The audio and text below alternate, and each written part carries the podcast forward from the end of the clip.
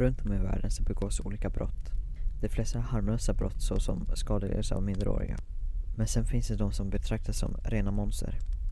Allt ifrån rånare, våldtäktsmän och mördare.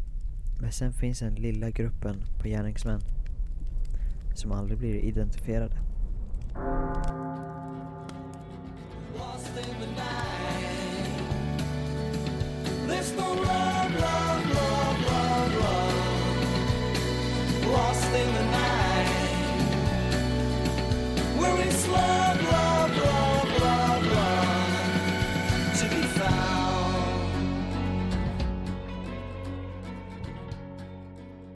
Hej och välkommen till ett nytt avsnitt av Lägerelden.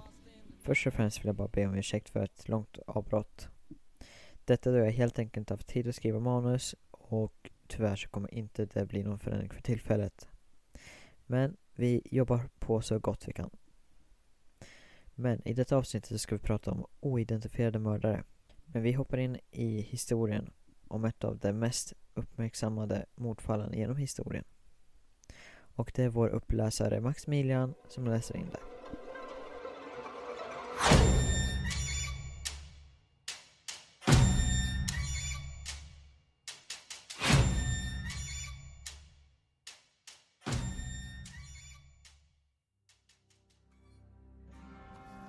Datumet är den 31 augusti 1888 och klockan är 03.40 på morgonen. Charles Allen Cross, född Letchmere, är på väg hem efter en sen utekväll med ett par vänner. När han kommer fram till en entré vid ett stall på Bucksrow så får han se något han sent ska glömma. Han får se tidens, om inte världens, mest mytomspunna seriemördares första offer. Mary Ann Nichols. Men vem var då Mary Ann Nichols? Marianne Nichols, även kallad Polly, var en nyss 43-åring som levt som prostituerad och även alkoholiserad. När Charlie sett Pollys kropp försökte han hitta livstecken. Under tiden han försökte hjälpa henne anslöt sig ännu en man som hette Robert Paul. När polis kom konstaterade man snart att Marianne Nichols avlidit När hon kom fram till sjukhuset utfördes en obduktion och i rapporten uppdagades det att hon fått ett långt sår längs högra käken, ett cirkulärt märke över vänstra sidan av ansiktet, ett knivhugg nedanför vänstra sidan av nacken, halsen avskuren samt ett djupt sår i buken som skurits upp. Men också att organ försvunnit. Och det som verkligen gav uppståndelse var att båda äggstockarna samt livmodern var borta. Enligt många var detta ett hemskt och brutalt mord. Men enligt andra fick kvinnan skylla sig själv för att hon varit så oförsiktig. Men det skulle bara ta åtta dagar innan nästa mord. Detta på den 47-åriga kvinnan Annie Chapman, född Smith. Strax innan 06.00 den 25 september 1888 så hittades Annie Chapmans kropp liggande mot ett staket på gården. Hennes kropp hittades av den äldre invånaren vid namn John Davis. John Davis tillkallade tre män vid namn James Green, James Kent och Henry Holland. Till slut så beslöt sig alla tre männen att springa till närmsta polisstation. Polisen kom till platsen och konstaterade att Annie var död och hennes kropp togs till sjukhuset för att obduceras. Och i obduktionsrapporten så kunde man konstatera att hennes tunga var märkbart svullen då den stack ut genom framtänderna. Halsen hade blivit avskuren. Även denna kvinna hade blivit av med en del inre organ.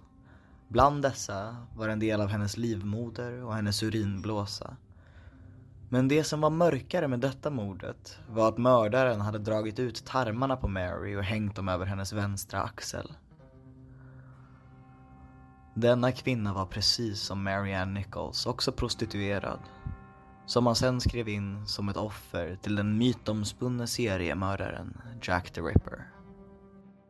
Denna kvinna var precis som Mary Ann Nichols också prostituerad. Och man skriver in henne som det andra offret till den mytomspunne seriemördaren Jack the Ripper. Vi spolar fram till den 29 september 1888 då Scotland Yard fick in ett brev som idag kallas Dear Boss-brevet.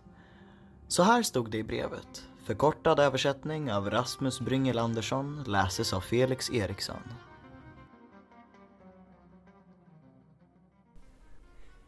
Kära chefen.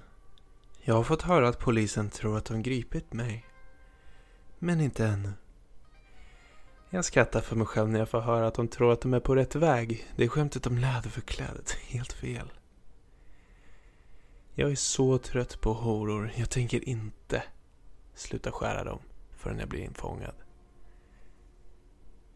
Det var mycket arbete med den sista kärringen men jag gav henne ingen tid att tjata. Mm. Hur ska ni kunna fånga mig nu? Jag älskar mitt arbete och kommer att fortsätta. Ni kommer snart att få höra från mig igen med mina roliga lekar. Oh, jag sparade även lite blod i en flaska för att skriva med. Eh, men det gick inte eftersom det är tjockare än bläck. Men jag antar att rött bläck duger.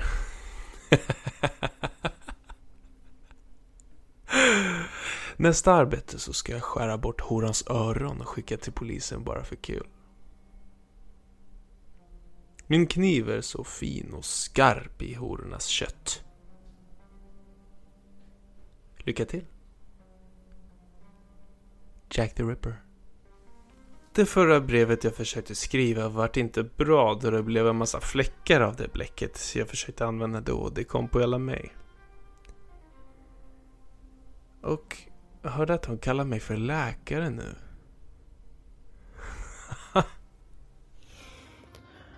Trots att det såg ut som att brevet skrivits av mördaren tvivlade polisen att det faktiskt var han som skrivit brevet fram tills den 30 september 1888. Klockan är runt 01.00 och förvaltaren Louis Diemschutz åkte häst och vagn på väg mot Dutfields Yard.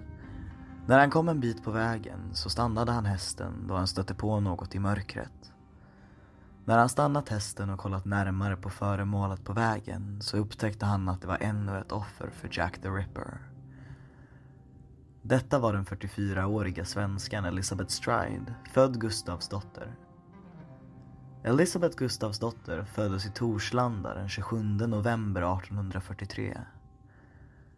Louis tillkallade polisen som varit på vakt omkring området där Elisabeth hittades. Dock så hade gärningsmannen inte hunnit göra så mycket med Elisabeths kropp som man brukade göra med sina offer. Han hade skurit halsen av kvinnan samt tagit en del av hennes öra. Men kvällen var inte över där. Redan efter ungefär 45 minuter så hittade man ännu en kropp. Detta var den 46-årige Catherine Eddowes. Catherine Eddowes hittades runt 01.45 och eftersom uppmärksamheten varit hos Elizabeth hade gärningsmannen haft ännu mer tid med Catherine. Det som stod i hennes obduktionsrapport var bland annat att kvinnans hals skurits av, tarmarna hade trätts över den högra axeln och hon hade fått ett snitt från högersidan av örat. Den 1 oktober kom ännu ett brev till Scotland Yard. Detta var ett vykort som kallas för Saucy Jackie. Det som stod i detta vykort var följande, återigen översatt och förkortat av Rasmus Bryngel Andersson och uppläst av Felix Eriksson. Saucy Jackie vid kortet. Jag har inte skojat med gamla kära chefen när jag gav dig tipset om att du kommer att höra från Saucy Jacks verk igen, det så kallade dubbeleventet. Även om jag inte hann göra allt med den första kvinnan, men som tur var, så hann jag det med den andra. Jack the Ripper. Även detta brev var man osäker på om det faktiskt kom från gärningsmannen. Senare kom det också fram att journalisten Fred Best låg bakom både detta och Dear Boss-brevet. Vi spolar fram till den 9 november. John McCarty skulle gå in till sin hyresgäst Mary Jane Kelly då hon inte hade betalat sin hyra. Lite efter 10.45 på morgonen knackar han på hos henne för att påminna henne om hyran. När han inte får något svar kikar han in genom nyckelhålet men ser ingenting. Det är först när han kollar in genom fönstret som han ser det förskräckliga. Den 25-årige Mary Jane Kelly i flera bitar. Mordet på Mary Jane var det brutalaste av morden som Jack the Ripper begått. Det tog läkarna flera timmar att identifiera och sätta ihop Mary Jane Kelly igen.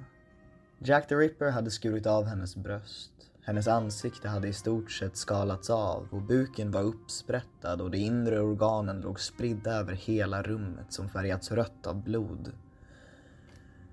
Detta sägs ha varit Jack the Rippers sista mord. Men än idag är hans identitet inte tydlig. Men det finns teorier, och gott om dem dessutom. Den teori det spekuleras mest om är att det skulle ha varit den polska invandraren Aron Kosminski. Kosminski var en barberare under tiden morden begicks och det som gjorde honom intressant för utredningen var att han hade uttalat ett hat mot prostituerade samt modiska tendenser. I februari 1891 placerades Kosminski för andra gången på ett mentalsjukhus. Detta efter att han drabbats av hörselhallucinationer. Han utvecklade senare en paranoia som gjorde honom livrädd att ta emot mat från andra och den 24 mars 1919 avled han av dödsorsaken svält. Men en annan teori är att Jack the Ripper i själva verket var en kvinna. Den man tror är så kallade Jill Ripper var i så fall Mary Percy. Den 24 oktober 1890 var Missy Hoggs på väg till Mary med sin bebis. Runt 16-tiden hörde grannarna ett skrik och samma kväll hittades Mrs Hoggs kvarlevor. Mrs Hoggs skalle var krossad, halsen nästan avskuren. Några mil därifrån hittades en barnvagn med den avlidna bebisen. Det var blod över hela barnvagnen. Tidigare hade man sett Mary Percy skjuta vagnen framför sig och det tipset gjorde att polisen tog in henne för mordet på Mrs Hoggs och hennes bebis samt gjorde en husrannsakan. Det som hittades i huset var en massa blod som var både på golv, väggar, tak och på möbler. I förhöret med Mary Percy så sa hon att hon bara dödat möss.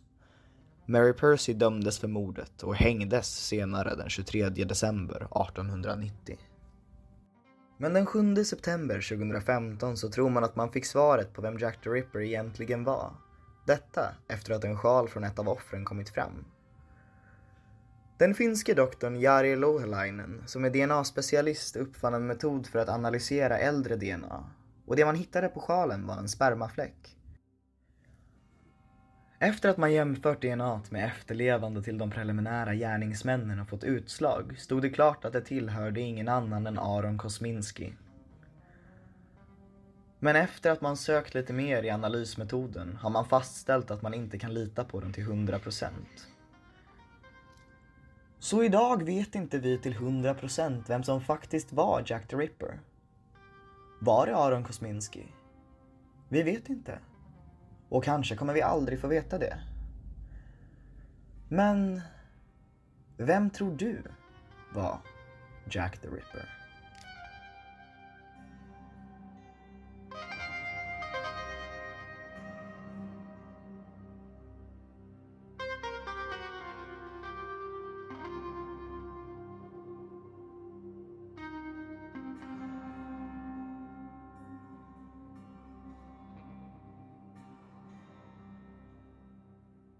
Detta var alltså om den mytomspunna seriemördaren Jack the Ripper. Men det finns en massa mer om Jack the Ripper som vi valde att inte ta med i det här avsnittet. Men skulle det komma på tal så skulle vi kunna göra ett till avsnitt. Och då skulle det hamna på vår Patreon-sida. Ett exempel på det vi inte tog upp det är att man tror att det var fler offer än de här fem morden vi tog upp. För det vi fokuserar på det var The Canical Five. Sedan har vi en massa fler misstänkta samt teorier. Men vi har även ännu ett brev som Felix Eriksson ska få läsa in. Detta kommer här och det kallas för From Hell-brevet. From Hell-brevet. Från helvetet. Mr Lusk. Sir, jag skickar med en halv njure som jag tog ifrån en av hororna. Den andra delen har jag ätit upp. Och den smakade utsökt. Jag kanske skickar den blodiga kniven som jag skar ut njuren med. Ta mig om ni kan. Mr Lusk.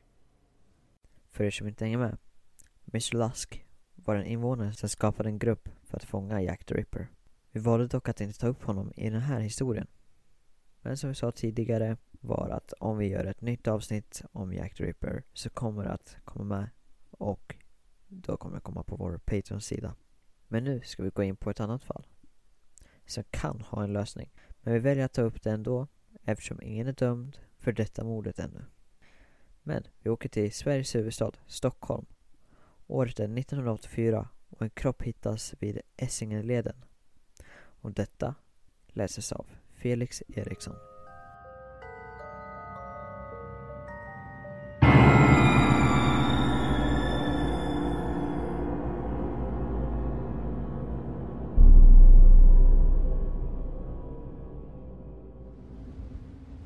Det är den 18 juli 1984 och en man är ute med sin hund. När mannen går under Essingeleden i Stockholm så ser mannen ett par svarta säckar. Han får en obehaglig känsla av säckarna, men när han går förbi så drar hunden till sig intresse av säckarna. Och mannen gör ett drastiskt beslut. Han kollar vad som finns i säckarna.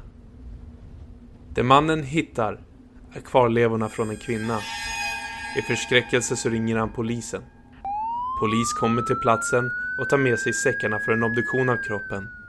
Obducenterna lyckas identifiera kroppen utan huvudet. Detta är den 27-åriga prostituerade kvinnan Katrin da Costa. Detta kunde man göra med hjälp av fingeravtryck. Polisen börjar utreda mordfallet, men den 7 augusti samma år hittades ytterligare några säckar med ännu flera kroppsdelar. Återigen från Katrin da Costa. Dessa säckarna hittades vid Eugeniavägen som ligger vid Karolinska institutet. Dock så fattades de inre organen, huvudet, genitalierna och det ena bröstet. I samband med detta så misstänks två män. Dessa kallas för allmänläkaren och obducenten i massmedia. Obducenten var känd för att köpa sex på Malmskillnadsgatan samt att dennes arbetsplats låg mellan där säckarna återfanns. Men under utredningen så fick man intresse för en incident som skett två år innan mordet på Katrin da Costa. Detta efter att obducentens fru hade begått självmord genom hängning. Men poliserna som var på plats fick en annan känsla. Kan det ha varit ett mord som de missat? Detta även att obducenten betett sig kallt efter att frun dött. Den 3 december samma år så anhålls obducenten och allmänläkaren som misstänkt för mordet men den 8 december så släpps de på fri fot då polisen inte hade tillräckligt med bevis mot obducenten och allmänläkaren. Men hösten 1987 så häktades de båda igen. Men rättegången påbörjades inte förrän i januari 1988. Båda åtalades för mordet på Katrina Costa. Men efter en lång rättegång med en oenig ordförande och nämndemän så valde man att hålla allmänläkaren och obducenten fortsatt häktade på sannolika skäl misstänkta för mordet. Detta då en av de misstänktas dotter hade kommit med ett eventuellt vittnesmål. Så här ska det ha gått till, enligt dottern. Men vad sa du att pappa gjorde? Han tog fram verktygen som finns i Tompeboken. Mm. Okej, men vad gjorde han med dem då? Han använde dem på kvinnan. Vilken kvinna? Hon som låg på bordet. Okej, men vad hände då? Han skärde i henne. Hur såg det ut då? Det var maskar i kroppen. Han åt av dem. Fanns det fler där? Jag och fotografen. Så enligt dottern så ska det vara obducenten som ska ha dödat och till och med ha ätit av Katrina Costa. Detta var nya uppgifter. Att man till och med har ätit av kroppen. Man hade svårt att förstå vad Tompe var. Detta kunde man senare förstå var en bok som heter I tomteskogen. Allmänläkaren och obducenten var fortsatt häktade under tiden de nya vittnesmålen kom upp. Dessutom så påbörjade man en rättspsykisk undersökning på de båda männen. Men rättegången fick tas om. Detta efter att en av nämndemännen hade låtit sig intervjuas av Richard Aschberg om vad som sagts under överläggningen. Detta publicerades i Aftonbladet den 9 mars 1988. Med detta så yrkade försvararna för allmänläkaren och obducenten att de skulle försättas på fri fot samt att avsluta den rättspsykiska undersökningen. Efterföljderna blev så här. Allmänläkaren och obducenten fick gå fria men skulle komma på den nya rättegången som skulle hållas den 30 maj 1988. Man lät en rättsläkare kolla på Katrin da Costa, men i dennes slutrapport så kunde man inte veta vad Katrin da Costa bragts om livet eller dog en naturlig död och sedan blivit styckad. Detta var något som rätten ogillade åtalen mot de båda männen, men de hade uttryckt sig att det var ställt utom allt rimligt tvivel att de båda hade styckat Katrina Costa. Men man kunde inte bevisa att de hade mördat henne. Trots att de båda männen blev helt frikända så ville de överklaga, men det gick inte. Detta eftersom man varken kan överklaga ett domskäl eller en helt friande dom. Och i början av 1989 så var det fastställt att överklagan inte är giltig på grund av den friande domen. Den 23 maj samma år så drogs allmänläkarens och obducentens läkarlegitimationer in på grund av omständigheterna det senaste året.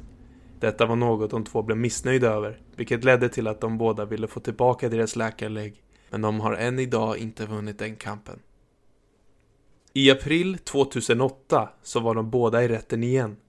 Detta då för att försöka få skadestånd. Enligt de två före detta läkarna så hade det förstört hela deras liv genom att bli av med läkarläggen. De två ville ha 40 miljoner kronor i skadestånd. Detta var något som ogillades av rätten och 2012 så slog rätten fast vid att man inte skulle gå vidare med en domstol. Men de två före detta läkarna var inte villiga att ge upp hoppet ännu. Samma år så sökte en organisation nåd hos regeringen för de två läkarna och den 11 oktober fick de ett svar från regeringen som var undertecknat av Göran Hägglund. Det svar de fick blev nej. Samma organisation sökte igen nåd för de båda, även nu ett nej, och denna gången av Mikael Damberg.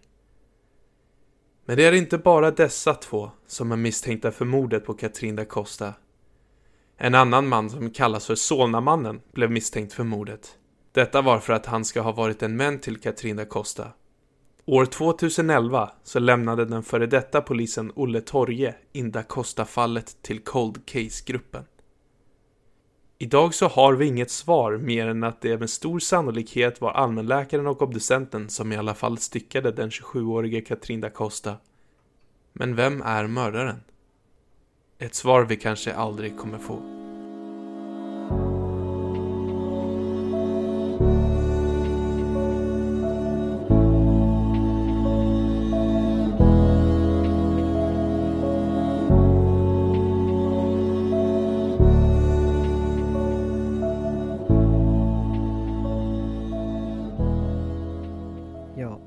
som egentligen mördade Katrin de Costa?